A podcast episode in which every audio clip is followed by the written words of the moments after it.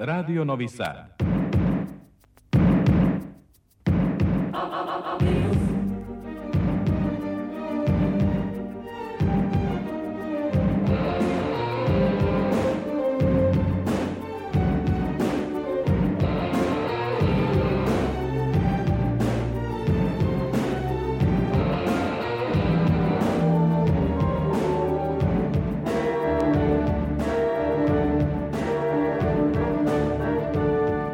Spektar.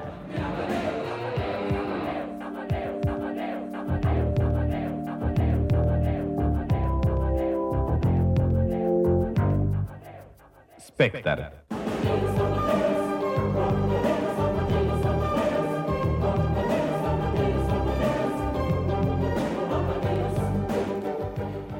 Dobro veče, petak je 22 sata i 11 minuta. Vreme je da otvorimo još jedno izdanje magazina za kulturu prvog programa radija, radio televizije Vojvodine, koji se više od tri decenije zove i preziva Spektar. Ja sam Tatjana Novčić-Matijević, želim vam dobrodošlicu. I šta u narednih sat i po možete čuti na 87,7, 99,3, 99,6, MHz ultrakratkih talasa ili na sajtu radio televizije Vojvodine, prvi program radija. E pa ukratko zvuči ovako. Više izložbe otvoreno u Novom Sadu, pa ćemo vas provesti kroz neke od njih. Recimo da e, za ovo prvo javljanje preporučujemo Galeriju Matice Srpske i Muzej savremene umetnosti Vojvodine. Jedan zanimljivi pisac, Eliezer Papo, profesor sefardske e, književnosti u Izraelu, a Sarajlija po rođenju i po e, formativnim godinama, gostovao je u Novom Sadu, naime, izdavačka kuća Agora objavila mu je knjige priča, nazvao ih je Nesabrane priče, pa će u spektru govoriti i o toj knjizi i o tome šta jeste identitet osobe rođene na ovim prostorima najavljujemo četvrti Somborski filmski festival, um, ko, premijeru komada Mefisto koju je prema romanu Klausa Mana postavlja zapravo Haris Pašović u Srpskom narodnom pozorištu i bit će još priča. Dakle, ostanite sa nama, pa posle jedne dobre muzičke pauze otvaramo prvu priču. do.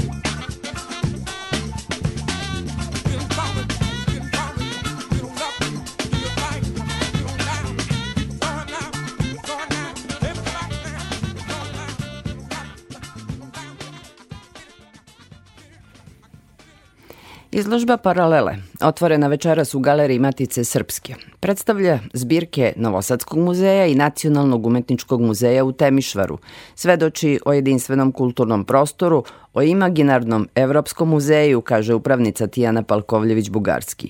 I sledeće godine, kada Temišvar bude kulturna prestonica Evrope, putuje u Rumuniju. Ideja o zajedničkoj izložbi datira iz 2016. kada su oba grada, geografski bliska, dobila titulu prestonice kulture.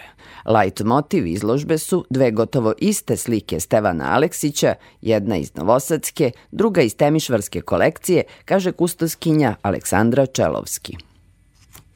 Paralele se odnose na različite veze i u različitim kontekstima između dva grada, naša dva grada, to su Temišvar i Novi Sad. I najpre smo kao paralela prepoznali e, te isprepletane ljudske sudbine, a na osnovu toga fokusirali smo se i na paralele između dakle, kolekcija naše dva muzeja, Galerije Matice Srpske i Nacionalnog umetničkog muzeja u Temišvaru, pri čemu je kao treća institucija učestvovala i riznica e, Srpske pravoslavne eparhije Temišvarske. Ono što smo istakli i što je možda najupečatljivije i najzanimljivije jeste da su na ovoj izložbi ovom prilikom dakle predstavljena dva autoportreta Steve Todorovića autoportreti u kafani, jedan iz kolekcije galerije, a drugi iz Nacionalnog muzeja u Temišvaru i to su portreti koji su zapravo nastali u razmaku od 20 godina, što je interesantno da se vidi kako Steva Aleksić zapravo i slikarski se razvijao i kako je ta njegova ideja o autoportretu u kom je smeru išla. I sa druge strane ponovo imamo nekoliko dela Konstantina Danila, jednog od najznačajnijih naših portretista. Da ne znate da je u pitanju, da su u pitanju različiti ljudi, mogli biste da pomislite da je portret jedne osobe. Tako da to su neke zanimljivosti i takođe ikone uh, koje su izložene iz 18. veka, recimo uh, ikona Zografska jedna je izložena, izloženo je delo Teodora Ilića Češljara koji je zapravo rođen u Temišvaru. Šta bismo mogli izdvojiti iz, od pratećih programa kao ovako najzanimljiviji? U pratećem programu imat ćemo predavanje profesorice Jelene Todorović, koja je bila zapravo uvodničar za katalog, tako da će ona imati jedno zanimljivo predavanje o to im, da kažem, istorijskim vezama između Temišvara i Novog Sada, kao gradovima Mojseja Putnika, kao gradovima Savete Kelije i Žigmonda Ormoša, velikih dobrotvora, čijim su zapravo fondacijama i osnovane uh, kolekcije i galerije i Nacionalnog muzeja u Temišvaru. I takođe u planu je i predavanje profesora Branka Bešnina koje će govoriti o Eugenu Savojskom kao jednoj od najznačajnijih ličnosti čiji su vojni poduhvati mnogo doprineli i razvoju Novog Sada i Temišvara.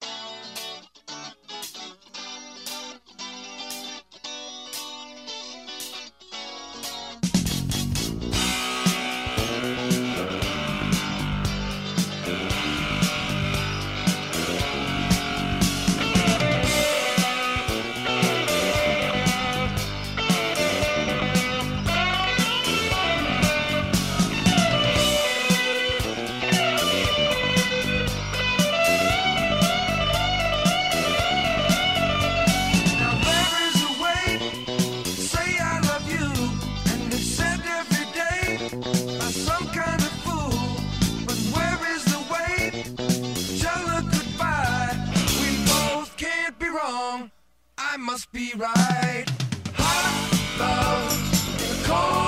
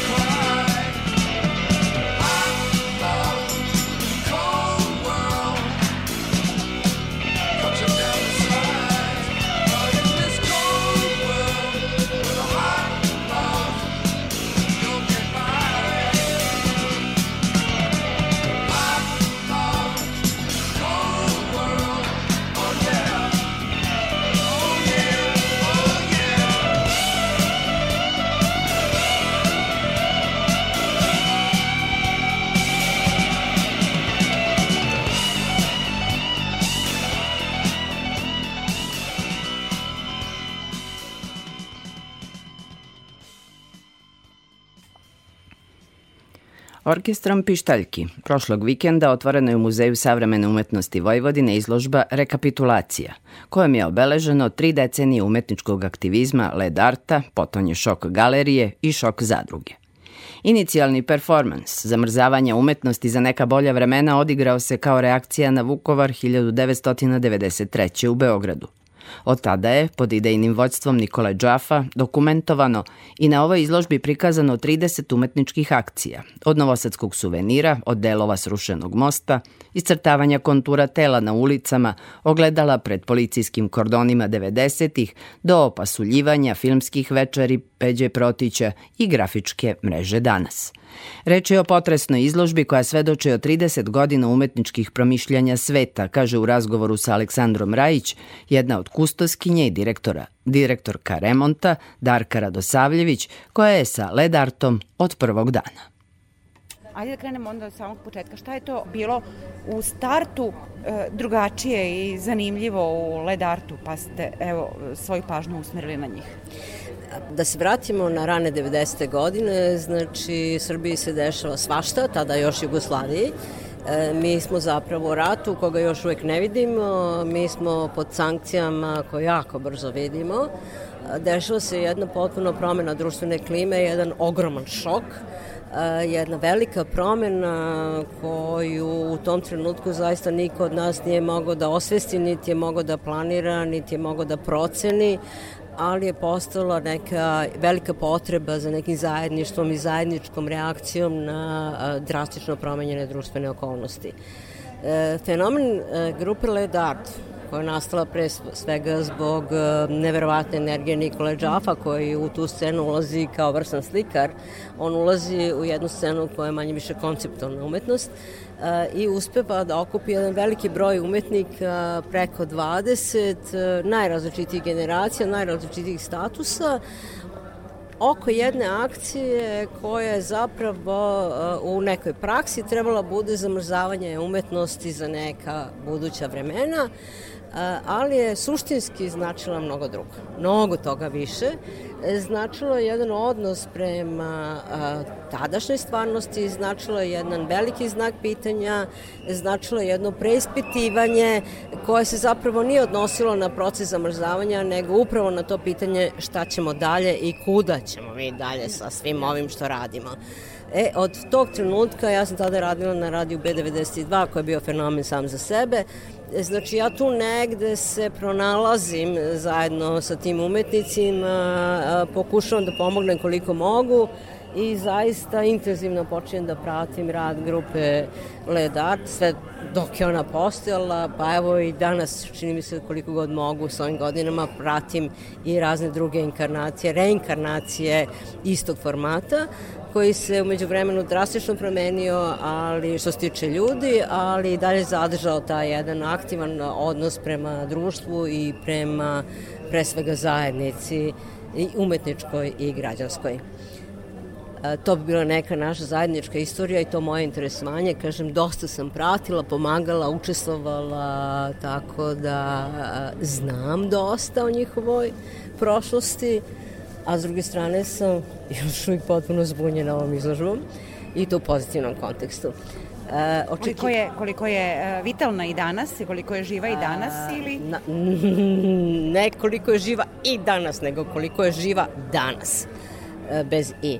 A, jer ono što mene ovde fasciniralo je zapravo da je e, uspelo da se prevaziđe svaka vrsta sentimenata, svaka vrsta tog znakovnog i prepoznatljivog tokom rada Led Arta je proizvedeno toliko ikoničnih radova da je to nepojemljivo, međutim vi sada ne, oni ne nam, ovom postavkom se ne nameću ta, te vrste ikoničnosti umetničkog dela, već naprotiv vas u savremeno doba ubacuje potpuno gde su zapravo ti radovi e, koji su meni značili mnogo i koje ja pamtim, zapravo e, kao da su skrajnuti, kao da su stavljeni u drugi plan, ne bili zapravo postigli, čini mi se da je postignuta tu atmosfera e, da i danas živimo u nekom sličnom crnilu sa tim flekama iz prošlosti.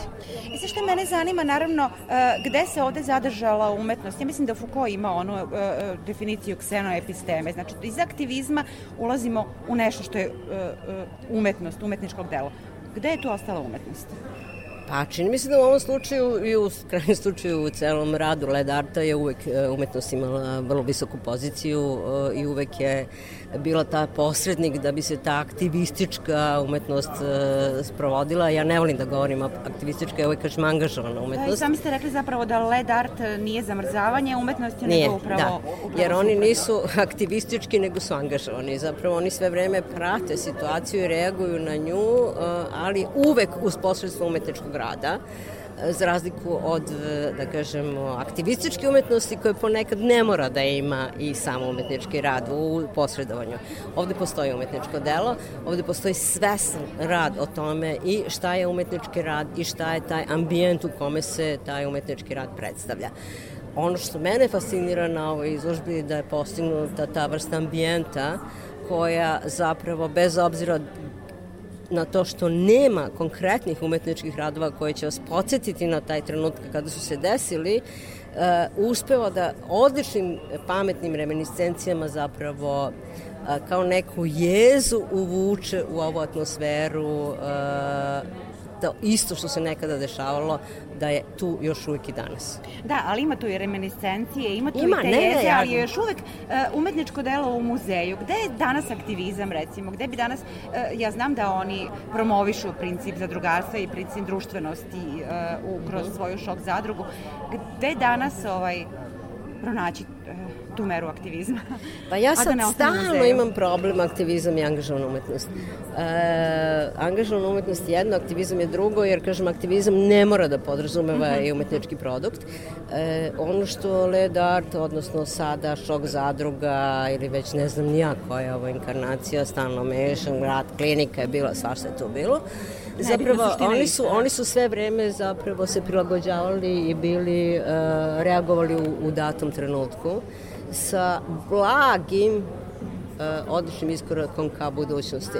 Što je sve vreme njih pratilo, zapravo uvek su govorili šta je sutra, da banalizujemo, odnosno šta, nam, šta je to što mi, većina od nas nije svesna, ali šta se očigledno dešava i šta je neka, ne, neka naša bliska budućnost.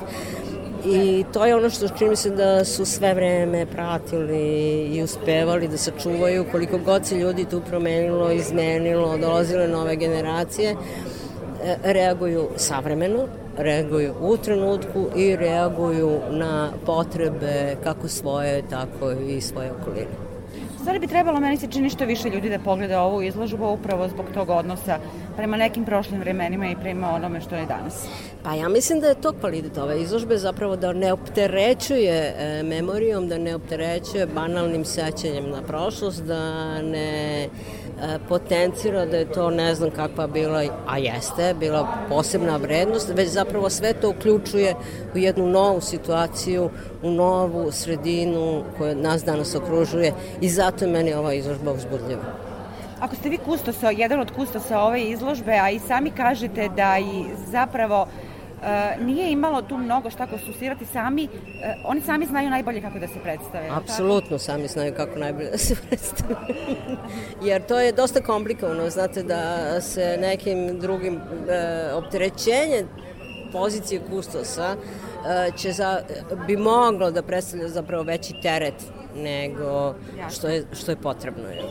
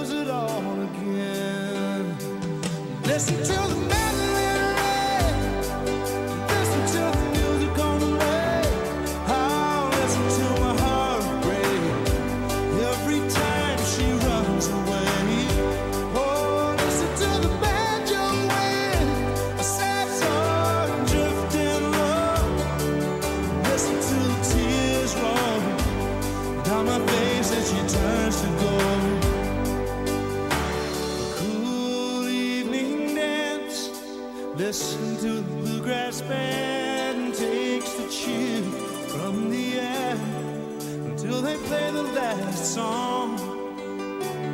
I'll do my time, oh, keeping you off my mind. But there's moments that I find I'm not feeling so strong. Listen to the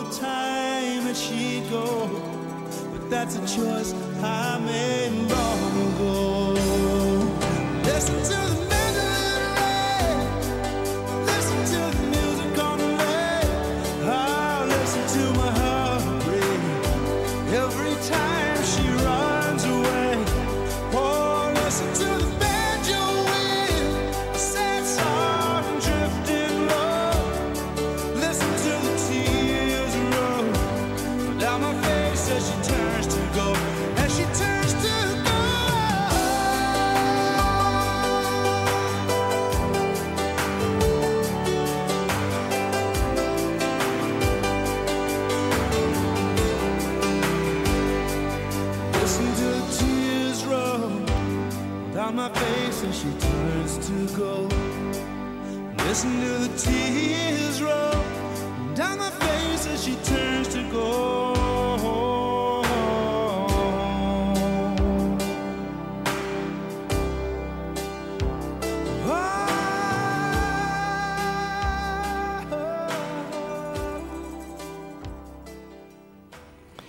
Novosadska umetnica Svetlana Milić prikazala je u Galeriji Udruženja likovnih umetnika Vojvodine nova istraživanja na temu etnomotiva i zaboravljenih ručnih radova.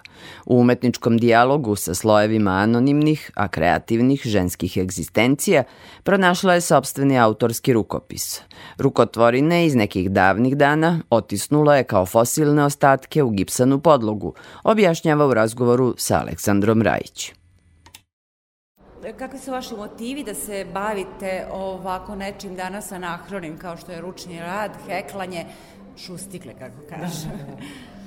Prevashodno, imam tu slobodu, hvala Bogu, da mogu da se bavim bukvalno onim što je meni nekako u nekom mom ličnom fokusu i umetničkom fokusu i nemam, ne moram da budem opterećena tim da se sada prilagođavam nekakvim scenama, modama i ukusima uh, koji su kod nas na likovnoj sceni i onda sam e, tako istražujući taj jedan kontekst e, sobstvene neke unutrašnje, mislim, nežnosti, nečega što nikako nisam puštala u javnost, uslovno rečeno, i jako sam to nekako držala unutra sebe. Znači, taj moment korone, kada smo se zatvorili nekako u kuću, je bio taj moment gde sam se ja nekako zaustavila i odjednom sam imala pred sobom samo to nešto što sam stvarno u tom momentu imala, a to je da sam već počela da kupujem po najlonu ili gde god stignem te odbačene artefakte, ono tih naših baka, tako kao sa stidom odbačenih, kao to nas uopšte ne interesuje, kao Bože me sačuvaj. Mislim, i sama sam se prema tome tako odnosila i onda sam odjednom počela svemu da pridajem taj značaj, odnosno da, da se vraćam nekako u tu jednu stvarno začuđenost nad svakakvim odbačenim predmetom, kao pa šta stoji iza toga, šta se tu nalazi? Da, šta ste otkrili zapravo, šta je da. utkano e. u ove radove? I tako da sam, eto, to počela time da se bavim i da tako obsesivno to št, utiskujem, štampam, da se ne, na neki način u kućnim uslovima bavim nek, nekom vrstom primenjenog vajarstva. I onda sam počela to da slažem i da nekako sve dublje ulazim u to i da se pitam kako je moguće da tako divne te strukture koje postoja, stvarno su predivne. To su apsolutno matematičke strukture koje zapravo sam odmah našla tu analogiju, odnosno setila sam se strukture vode koju je mm, Emoto Misaru, recimo japanac, fotografisao, pa sam se setila kao, pa to je ista stvar. Pa onda kao, kako sad ta žena tako neuka, ono, malte ne, bez škole je tako precizno radila te, da kažem, strukture i shvatila sam da su one imale tu potrebu da se samo strukturiraju, odnosno da se na neki način povežu sa nekom dubokom svojom unutrašnjošću koja opet je neodvojiva od spoljašnjosti i počela sam da razmišljam da one stvari su nekako imale, odnosno da su radile vazduh, strukturu vazduha, strukturu vode, sve te strukture koje su u prirodi koje mi zapravo ne vidimo očima, ali vidimo nekako svojom unutrašnjošću, dušom, emotivno, I tu ste zapravo našli analogiju pa, da. i sa ovim svojim radom. Rekla bih da, da. čini mi se na prvi pogled da tehnika zapravo utiskivanja u neki, neku gipsanu matricu, ako Jeste. mogu tako da kažem. Da. I, I u tom pažljivom utiskivanju kojim se vi bavite takođe ima posvećenosti i kontemplacije koju vidimo na tim radovima. Pa jeste, da, zato što vas to nekako povuče, znate, kada uronite stvarno i kada ste u jednoj posebnom tom stanju koncentracije, a ja sam stvarno se nekako prema tome odnosila sa velikim poštovanjem, znači, kada uđete, kada nekako baš to se povežete sa tim svetom, odjednom nekako taj svet progovori kako i na koji način bi se dalje on otisnuo, odnosno eto i sva ova slaganja i tako dalje. Ja nisam ni jednog momenta, ja sad kao to ću ja tako da radim, nego prosto me to tako nekako nosilo i to je najlepši deo rada kada on nekako progovori svojim jezikom. Ja sam to nekako slušala i onda sam počela prosto samo da slažem i da čini mi se možda dotaknem taj isti odnos koje su one imale dok su to radile. Što smatram nekako najvećim ono dometom u radu kada tvoja osetljivost stigne do osetljivosti nekog drugog i kada se ta dva vremena povežu nekako i opet e, iznedre jednu novu drugačiju strukturu. Ima u ovim vašim radovima, ja bih rekla, i različito stepenovano tog ženskog iskustva ili ženskog principa. Imamo, dakle, bojane radove, imamo one koji su u nekim zemljanim i sivim da. bojama, a imamo ove bele koji su prosto da. onako čedni, devojačko beli, da, ja bih da, rekla. Da, da, da. Pa ja mislim, da, to ste baš jako dobro ste to ovaj, rekli i primetili i to je istina, znači ja sam krenula prvo od ovih i stigla sam do te bele koja je u stvari kao zvelatura, odnosno kao skidanje određenih delova m, sa samoga sebe nekako, pa onda dođeš do te jedne poslednje, nekako najčistije, najbistrije tog dela i mislim da, je, da sam eto, uspela to da nekako stignem do tog dela sebe i sad ne znam šta je dalje. Ima Možda dalje, heklice u ruke. Ne, ne, ja, ja mislim, stvarno ne, ne, ne bavim se tim, ali mi je stalo jako da sačuvamo barem deo neke naše kulture, smatram da je ovo narodna kultura i da mi imamo jedan jako loš odnos prema svemu što je neka naša izvorna kultura, ne znam zašto. Prosto sam se sada naučila da imam jednu drugu vrstu percepcije i drugu vrstu ono, odnosa prema tome, a posebno mi se sviđa to da na neki način komuniciram i repliciram i tom vremenu i tom odnosu i tako dalje, a naročito mi se sviđa da imaju jednu dozu estetike i harmonije, pošto smo sada u modi potpunog haosa i ružnoće na svakom koraku i to je nekako ono estetska kategorija najviše vrste. Ja jako volim što sam naprotiv potpuno kontra od toga, odnosno smireno, ženstvena i tako, eto, da, da nam ne zamere možda neki što koristimo mnogo da. taj, te ženske, žensku percepciju sveta, da. ali ima nešto u tim naslagama uh, anonimnosti, ima neke baze za pa ja, osnove za dalje. Pa ja vidim već, već vidim sledeći korak, ali uh, mislim tu ima sad još puno nekih drugih propratnih stvari. Ostalo mi je puno tih uh, bukvalno ovaj, ručnih radova koji su sada uh, u jednoj novoj fazi od, od tih naslaga otiskivanja i tog, e, tih masa koje sam koristila i sad evo tu već mi pada na pamet šta bi radila s tim. Jedna tema jako, jako onako zahvalna za radi, eto, možda bi bila zanimljiva tako. Meni je jako žao što mi sad imamo jednu modu feminizma koja pak opet ima svoja pravila i svoje, ono da kažem, neke zadate puteve. I, Agenda. Da, bravo. A zapravo, mislim, treba izaći iz toga i stvarno se baviti onim što čovek, mislim, zaista osjeća i misli.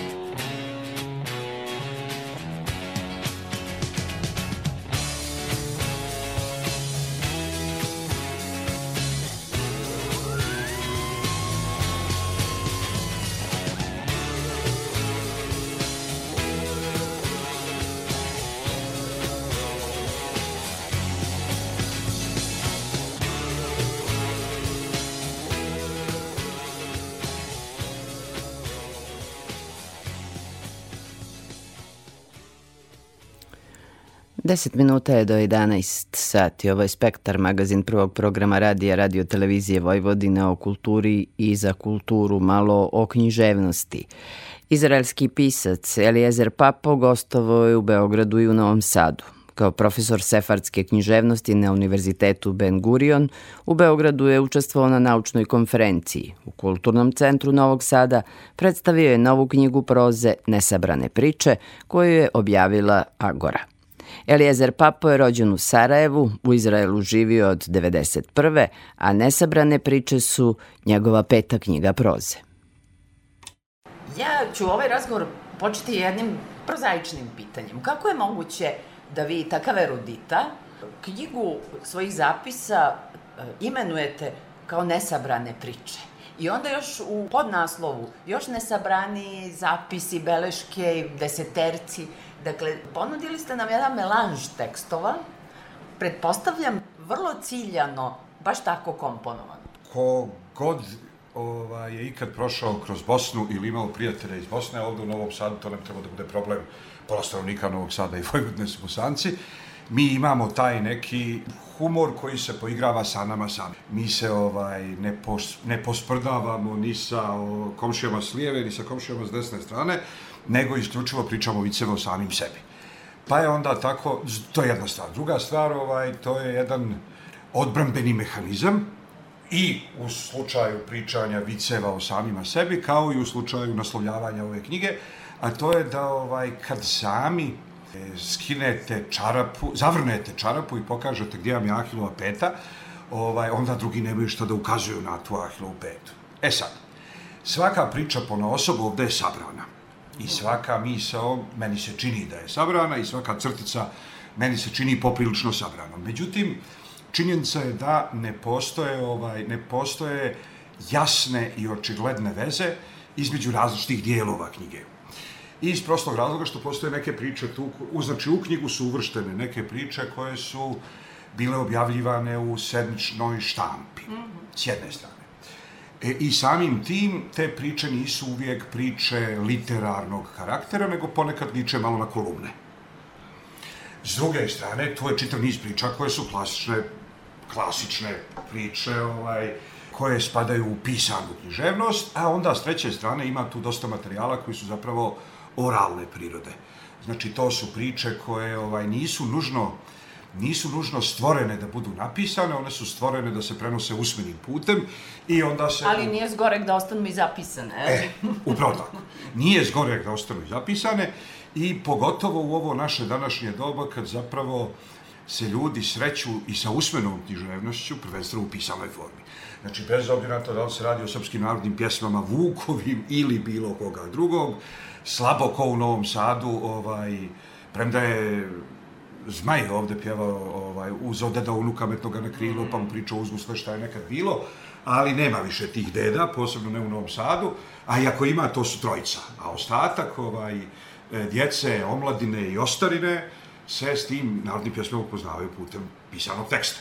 E, mi zapravo danas i nemamo baš neki direktni doticaj sa usmenim e, žanrovima, osim naravno trača koji je usmeni žanr, koji mhm. će da živi sve druge. Kogod se ne slaže sa idejom da je trač usmena književnost, on samo treba da obrati pažnju na to da postoje formalno pravni uvodi u trač. Zna se kako se trača, niko ne počinje trač iz čista mira, nego se kaže, znaš što, ona meni jest velika prijateljica, ali I tako dalje, iz prostog razloga što se trač doživljava kao nemoralno ponaša, nemoralno bit ponašanja i onda čovjek treba napraviti neki moralni uvod koji opravdava. Da, da se mi zadržimo na tim moralnim uvodima kada je o ovoj knjizi reč. Mm -hmm. Svaki ovaj odeljak e, ima ne samo moralni uvod, nego ima i ozbiljnu moralnu razradu.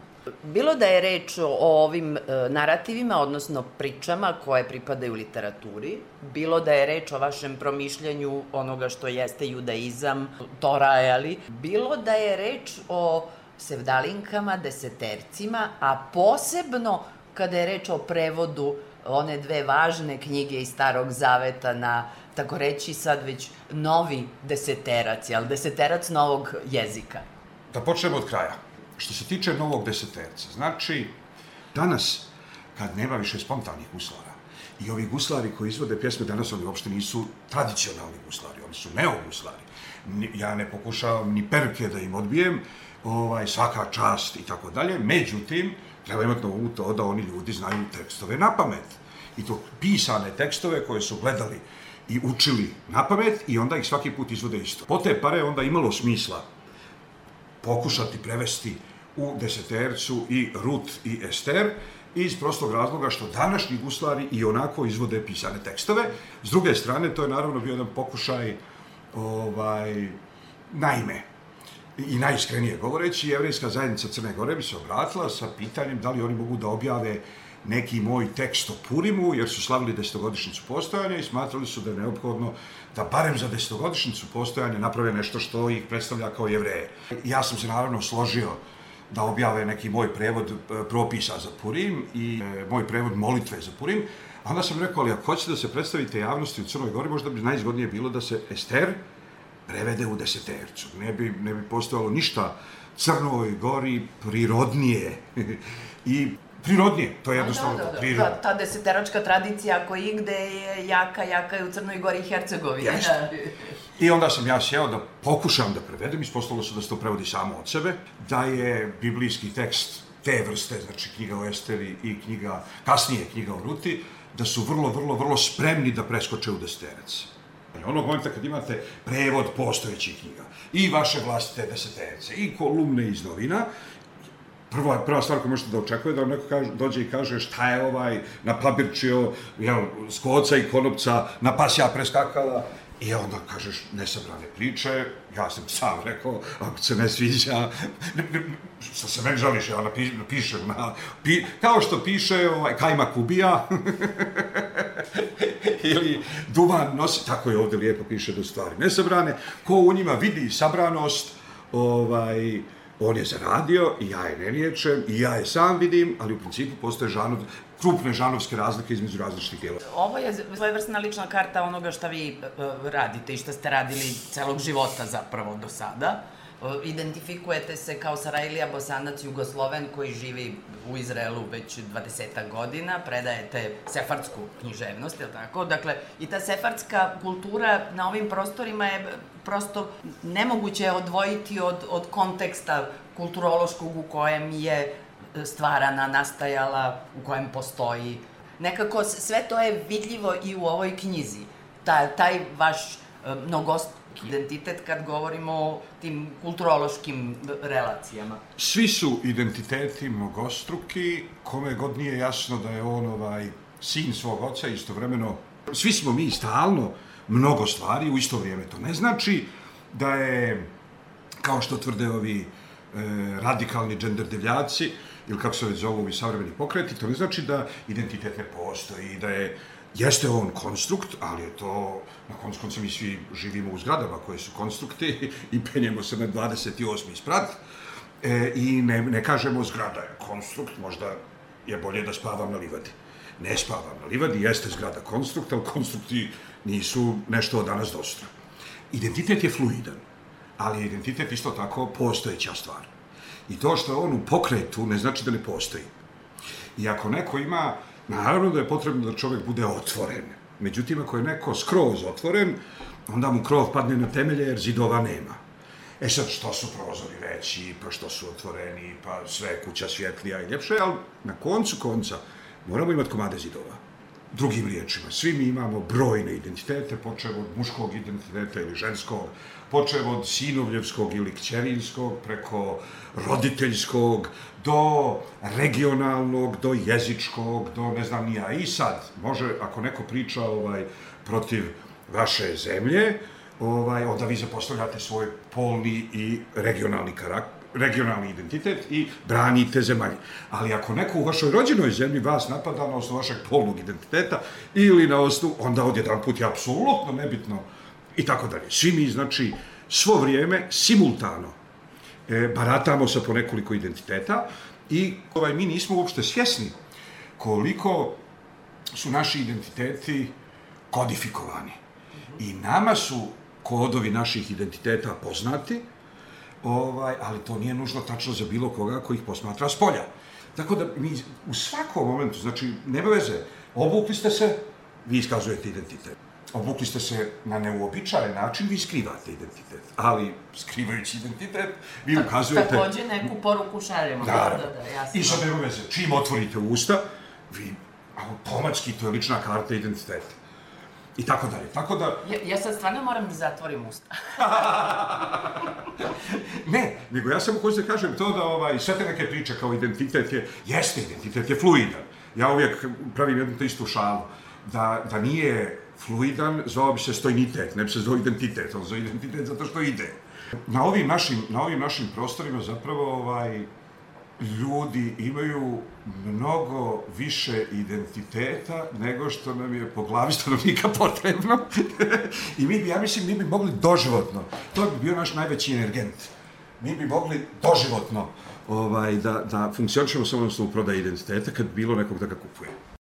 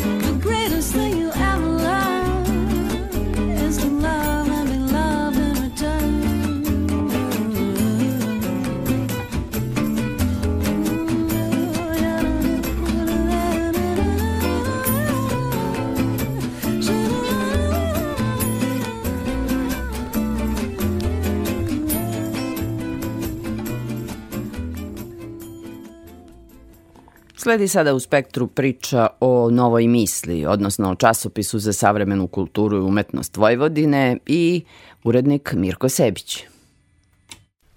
Kako smo i najavljivali, časopis Nova misao u nešto izmenjenom formatu i nešto izmenjene koncepcije. Evo ga, taj izmenjeni broj, nastavak nove misli negde suštinski, a konceptualno čini mi se da se malo pomera ka onome što se zove produkcija tekuća, e, živi taj književni e, život, eseistički, E sad, da li jesam u pravu ili kako stvari stoje? Da, apsolutno ste u pravu. Naime, posle 13 godina jednog i formata, moram da kažem, pošto smo na radiju, format se promenio. Nekad smo zvali format nove misli kao, kao omot long play ploče, sad je ovo kao omot e, male ploče. Znači, i ostao je u svom, u svom kvadratnom obliku, ali naravno ono što je takođe bitno, on ostaje svakako časopis za savremenu kulturu Vojvodine, odnosno za savremenu produkciju kulturnu i njegova misija da tu produkciju i vrednuje i, i istakne i poveže sa nekim drugim trendovima koji su u regionu i u svetu ono, prisutni. Takođe ste u pravu, redakcija časopisa se obogatila novim članovima, tu je e, spisatelj Đorđe Pisare, tu je Žaklina Dunjak, pored mene i još neki ljudi koji, koji svakako kad se pojave novi ljudi do, do, donesu i nove teme i nove saradnike. Nismo se prebacili potpuno u književnu produkciju, ali smo recimo za razliku od prethodnih brojeva ustalili sada objavljivanje ekskluzivnih e, proznih i poetskih tekstova u ovom prvom broju je tu, u ovom broju o kome govorimo je Aleksandar Gatalica, to je tekst koji nije objavljen, znači objavljen je prvi put kod nas. I gospodin Micić sa jednom poetskom e, tekstom Ostatak e, sadržaja je, da kažem, komplementaran i sa prethodnim našim konceptom, znači pratimo i teatar i, i, i e, kritički se osvrćemo na određene književnu produkciju, izdavačku, e, esej takođe, pratimo i, i ovaj, prevodnu literaturu, odnosno objavljamo neke filozofsko teorijske tekstove stranih autora. I to je ukratko ovaj, to, znači koncept i misija ostaju isti, sadržaj se obogaćuje, što je naravno i bio cilj u ovim našim nekim, da kažem, e, promenama. Ranije je Nova misao bila prepoznatljiva po tom portretu umetnika koji je bio centralna e, ličnost i centralna priča. Da li će neki brojevi zadržati i tu konfiguraciju, da tako nazovem? Pa hoće, evo upravo broj koji je sad u štampi, koji će se pojaviti uskoro, 49. broj, na naslovnoj strani ima portret Rajka Grlića, je sadržaj, uh, u sadržaju časopisa jedan vevan, veliki, obiman intervju sa Rajkom, uh, pa onda to, to opravdava samo naslovnu stranu. Kad takvih stvari nema, onda se pribega drugim rešenjima, ali kažem svakako kad god bude centralna ličnost uh, sadržaja nekakav veliki intervju, naravno značaj, značajnog stvaralca, on će biti na naslovnoj strani, to je normalno. Kakav će sad biti ritam objavljivanja nove misli? Ranije znamo, to je bilo četiri broja godišnje. E, sada bi trebalo šest brojeva godišnje, e, znači ono što bi se reklo na svaka dva meseca.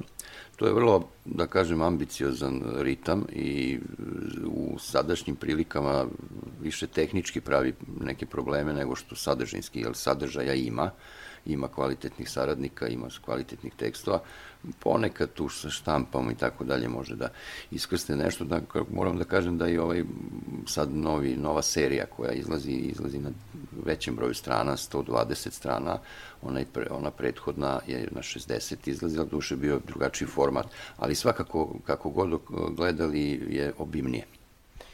Šta sa takođe onom ekskluzivom pređašnjom, e, tematski broj, poseben poseban sadržaj časopisa? Ostaće i dalje. To smo mi običavali u prethodnih godina da poslednji broj u godini bude tematski i ovaj i ove godine će to biti. Sad vidjet ćemo sad ko će i šta će biti. Ovaj, Jer objektivno govoreći ovim tempom objavljivanja časopisa, bez obzira na uh, kvantitet sadržaja, uh, taj, to specijalno izdanje zahteva i poseban angažman. Pa da, pa sad tu kažem, razmišljamo da napravimo, da kažem, jednu okrugli sto posvećen određenom piscu i onda da je sa tog okruglog stola objavimo, objavimo tekstove u časopisu. To je onako jedna stvar dopunjuje drugu. M je okrugli sto događaj koji će biti praćen u javnosti kao okrugli sto, a onda ćemo kasnije imati dokumentaciju, arhivu, arhivu tog, tog što se govorilo i to će verovatno biti praksa u buduće.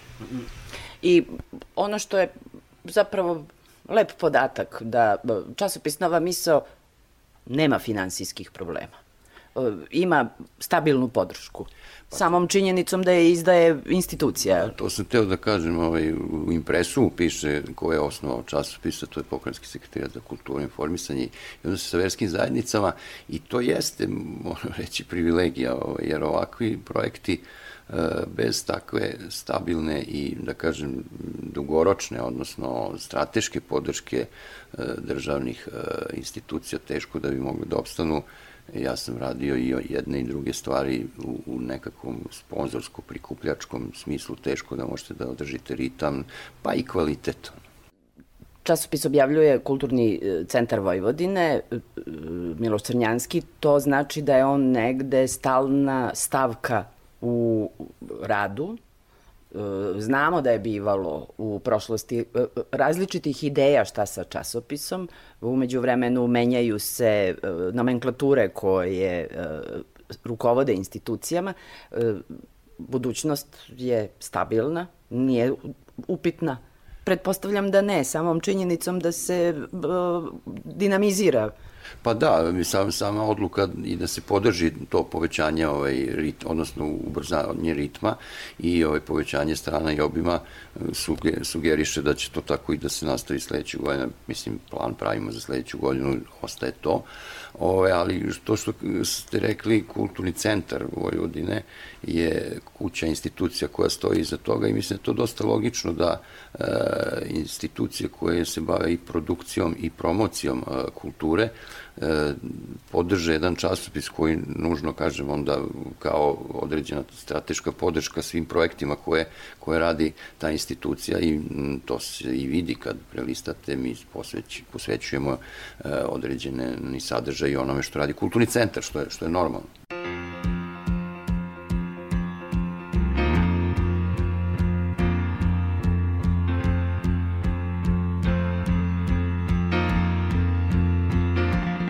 to my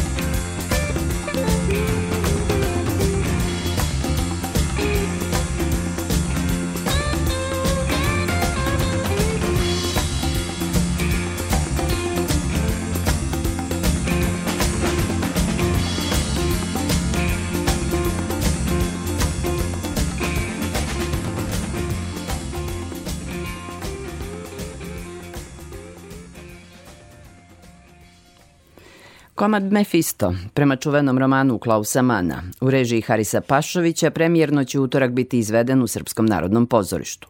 Naslovnu ulogu tumači mladi Aljoša Đidić. Nastupaju velikani poput Mirjane Karanović, Gordane Đurđević-Dimić, Miodraga Krivokapića. Velika, ansambl predstava, prva je Pašovićeva postavka u tom teatru. U Evropskoj prestonici kulture koja je podržala projekat ističe se da je reč o jednom od najznačajnijih u programskom luku Tvrđava mira. Slušamo sada Harisa Pašovića. Jedan dubok uzbudljiv e, roman e, koji nas se tiče, nas kao umjetnika, tiče se svakog čovjeka, tiče se naravno najvećeg zla koje je čovječanstvo ikada iskusilo, a to je nacizam, tako da nekako najvažnije te stvari u životu se prelamaju kroz tu priču. Ja mislim da je važno da se ispriča ta priča, a priča je velika i kompleksna i zbog toga u predstavu učestvuje 41 glumac mislim da je važno i da se čuju te riječi Klausa Mana, da, da prosto na, nekako uđemo u tu priču i ona je po meni nekako kao neka televizijska serija, da tako kažem. Mislim, na taj način smo i formirali i scene i likove i ima više likova koji, koji, koji gledalac prati i ja mislim da gledalci su sada mnogo navikli na televizijske serije i vole televizijske serije, e pa nešto u dramaturgiji te predstave ima od dobrih televizijskih serija. Samo još da kažem da prva repriza Mefista biće 14. Dakle, vredi, vredi pogledati kako je to Haris Pašović postavio na scenu velikog Klausa Mana.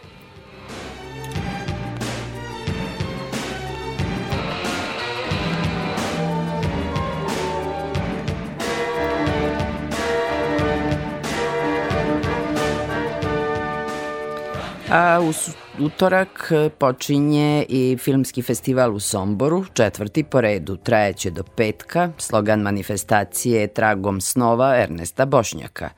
Dejan Dabić je selektor i sa njim je razgovarao Goran Vukčević.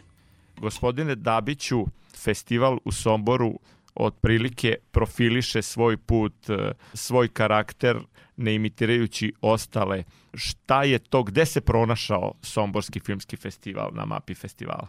Ako govorimo o nekim koordinatama, dve koordinate bi mogle da budu porodica naroda panonsko-podunavskih zemalja, gde su ove zemlje većinski ili manjinski koproducenti.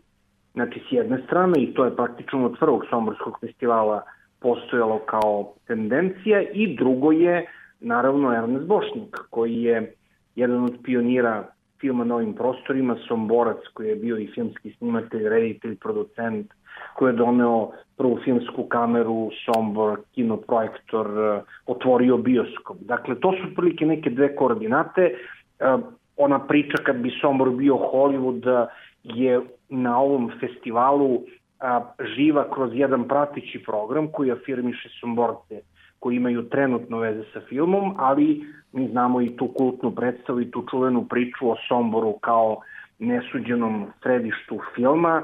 Nažalost, u ovim decenijama je Sombor više, da kažemo, pozorišni grad, ali evo u ovih pet godina, odnosno četiri festivala jedne pandemijske godine kad je preskočeno održavanje festivala, mislim da se Sombor na neki način polako profiliše kao jedan potencijalno filmski i festivalski grad. Imamo dva programa koji su za nagrade, jedan je glavni program za koji se dodeljuju ovaj tri nagrade i jedno je ovaj nagrada za najboljeg mladog autora, dakle dve praktično ovaj takmičarske selekcije i dve prateće selekcije, jedna je kad bi Somor bio Hollywood i druga je panorama, odnosno ja bih rekao na neki način kinematografiju fokusa, to je ove godine austrijska kinematografija. Što se tiče takmičarskih programa, imamo ove godine osam filmova, pet u glavnom programu, tri u ovaj programu mladih autora i ako ćemo na neki način da vidimo šta bi bile neke vodeće teme kada je reč o ovim filmovima, verovatno da se jedna od vodećih, kao vodećih tema nameće tretiranje mita. Jednima mit služi kao inspiracija, kao u nagrađivanom filmu koji je dobio nagradu na festivalu u Karlovim Varima, film Strahinja Banović, Stefan Arsenijevića, koji otvara festival gde su afrički migranti u dramatičkom smislu na mestu junaka iz naše epske poezije, dok recimo u debitantskom filmu Gorana Nikolića Heroji u selekciji filmova mladih autora se zapravo srednjovekovni junaci približavaju mitu za koji su oni sicem okolnosti ostali anonimni. Naravno ima tu i savremene mitologizacije kao u filmu Branka Šmita koji će srpska publika premijerno videti, to je filma Bili smo vam dobri, koji govori o ratnim veteranima, ali o onim ratnim veteranima koji se ne mire sa sadašnjicom, izneverenim očekivanjima i korupcijom. To bi moglo bude neko, neko naopako gledalo kada je reči o drugim dakle, balkanskim uh, društvima, ali svakako opet jedna vrsta razračunavanja sa nekim savremenim mitovima, u, u nekom smislu razračunavanje sa, sa neko, i nekom vrstom demitologizacije možemo da pronađemo i u filmu Ištvana Saboa, a, konačni izveštaj koji smo mogli da vidimo na prošlogodišnjem festu gde a, je opet a, a, ugledni glavni junak a, na neki način a, pritisnut dešavanjima u njegovoj socijalističkoj prošlosti, a opet neka vrsta demitologizacije se može pronaći u filmu Puci u Marseju, koji će biti prikazan u okviru programa kad bi Sombor bio Hollywood, gde je jedan od junaka zapravo Somborac, dakle, film koji govori o atentatorima na kralja Aleksandra iz jedne malo drugačije vizure. Tako da, eto, to bi možda mogla da bude neka tema koja je dominantna, mada tu ima i drugih tema, ima i savremenih priča, recimo sa, savremena egzistencijalna iskušenja u filmu Mrak reditelja Dušana Milića, koji je onako karpenterovskog tipa, iako se film dešava na prostoru Kosova i Metohije, onda jedna punokrvna socijalna drama u herojima radničke klase Miloša Pušića, koji, koji je napravio zamah, evo već se prikazuje na mnogim svetskim i regionalnim festivalima, a tu će biti opet i priča o a, egzistencijalnim problemima jedne samohrane majke, u filmu Natalija Vramović, prolećena pesma koja je takođe debitanski u okviru mladih autora, Tako da, eto, ima zaista, rekao bih, za svakog po nešto, čak uspeo sam da u ovom programu, kad bi Somor bio Hollywood, pronađem jedan, rekao bih, dokumentaristički biser koji govori o somborskoj novovalnoj sceni iz perioda koji mi svi znamo više preko Beogradskog, Zagrebačkog novog vala, Novosadskog ili Riječkog, ali i Sombor imao svoj novi val, tako da ćemo u filmu Emila Ensmingera moći da vidimo kako je to sve izgledalo. Uz filmove ove godine nastavljamo sa tradicionalnim programom Espresso 11 koji će biti jako bogat jer će pored ostalog biti promovisane i veoma značajne filmske knjige i da ne zaboravim, ne najmanje važno, nego zaista jako bitno, to je dodela specijalnog Ernesta na otvaranju festivala, a ovaj laureat ovogodišnji je Svetozar Cvetković, naš istaknuti filmski i televizijski glumac. Prošle godine su bila dodeljena dva specijalna Ernesta, jedan za onu godinu pandemijsku kad festival nije održan, Slavku Štimcu i jedan za prošlu godinu Miri Banjac, jedan je bio dodeljen na otvaranju, drugi na zatvaranju Somborskog filmskog festivala, a eto ove godine za 2022. godinu specijalni Ernest pripada Svetozaru Cetkoviću. Tako da, eto, kad sve uzmemo u obzir, zaista za svakog ima po nešto. Hvala najlepše na ovako iscrpnom predstavljanju festivala. E, mislim da ima više nego dovoljno razloga da Somborci e, učestvuju zdušno i podrže svoj festival, ali ne samo oni, nego i svi gosti e, lepoga grada Sombora na severu Bačke. E, hvala najlepše, bio je ovo Dejan Dabić, selektor i član direkcije Filmskog festivala u Somboru.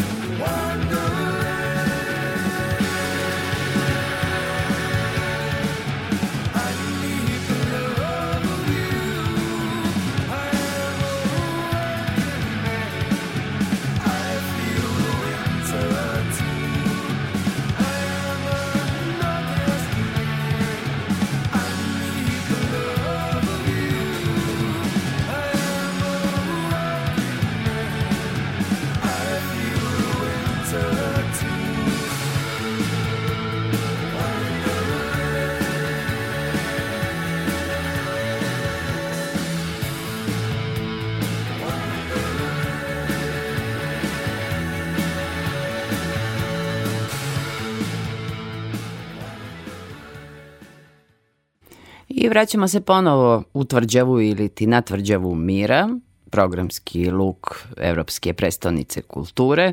U kreativnom distriktu 16. biće održan koncert pod naslivom Klavirsko trojstvo. O nastupu trojice velikih pijanista, sekretar muzičke omladine Novog Sada Milan Radulović.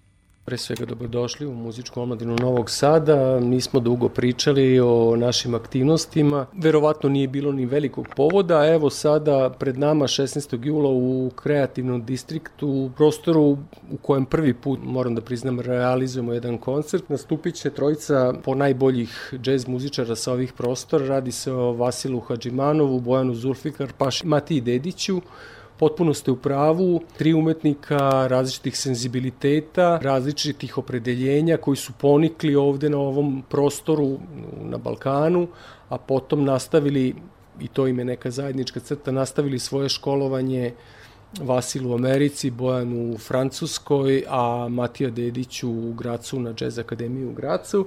U nekoliko navrata su nastupali kao duo, sretali se na koncertima e, različitih sadržaja, a sada po prvi put u Novom Sadu sva trojica zajedno što ne znači da neće biti i drugih formacija na tom koncertu, znači od sola, dua pa do trija. Mislim da nas očekuje stvarno jedno izuzetno veče, vrlo zahtevno za nas kao organizatore, jer treba sve pripremiti u tom prostoru da publika uživa, da pre svega umetnici uživaju, zbog toga iznosimo i tri koncertna klavira, e, jako je teško obezbediti tri dobra i kvalitetne instrumenta kakve oni traže ali evo sve smo to uspeli i 16. jula uveče u 22 sata i 20 minuta u kreativnom distriktu koncert pod nazivom Klavirsko trojstvo Znači da ponovimo još jedan puta, Vasil Hadžimanov, Bojan Zulfikar Pašić i Matija Dedić i nastup je, odnosno ulazi slobodan na ovaj koncert. Što ćemo imati prilike da čujemo, jeste opet negde u džez, pretpostavljam,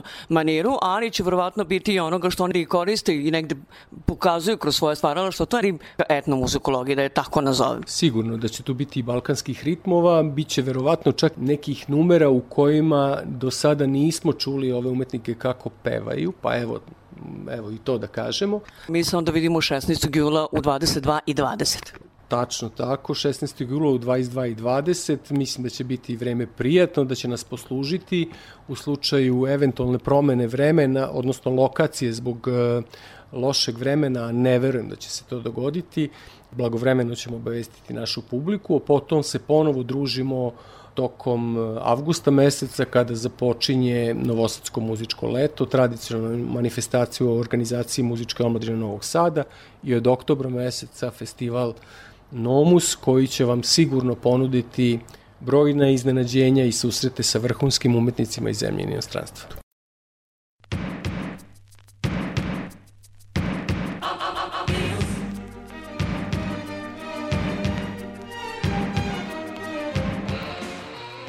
I dok bude trajao ovaj klavirski koncert trojice muzičara u distriktu u Novom Sadu, na Paliću će početi Evropski filmski festival.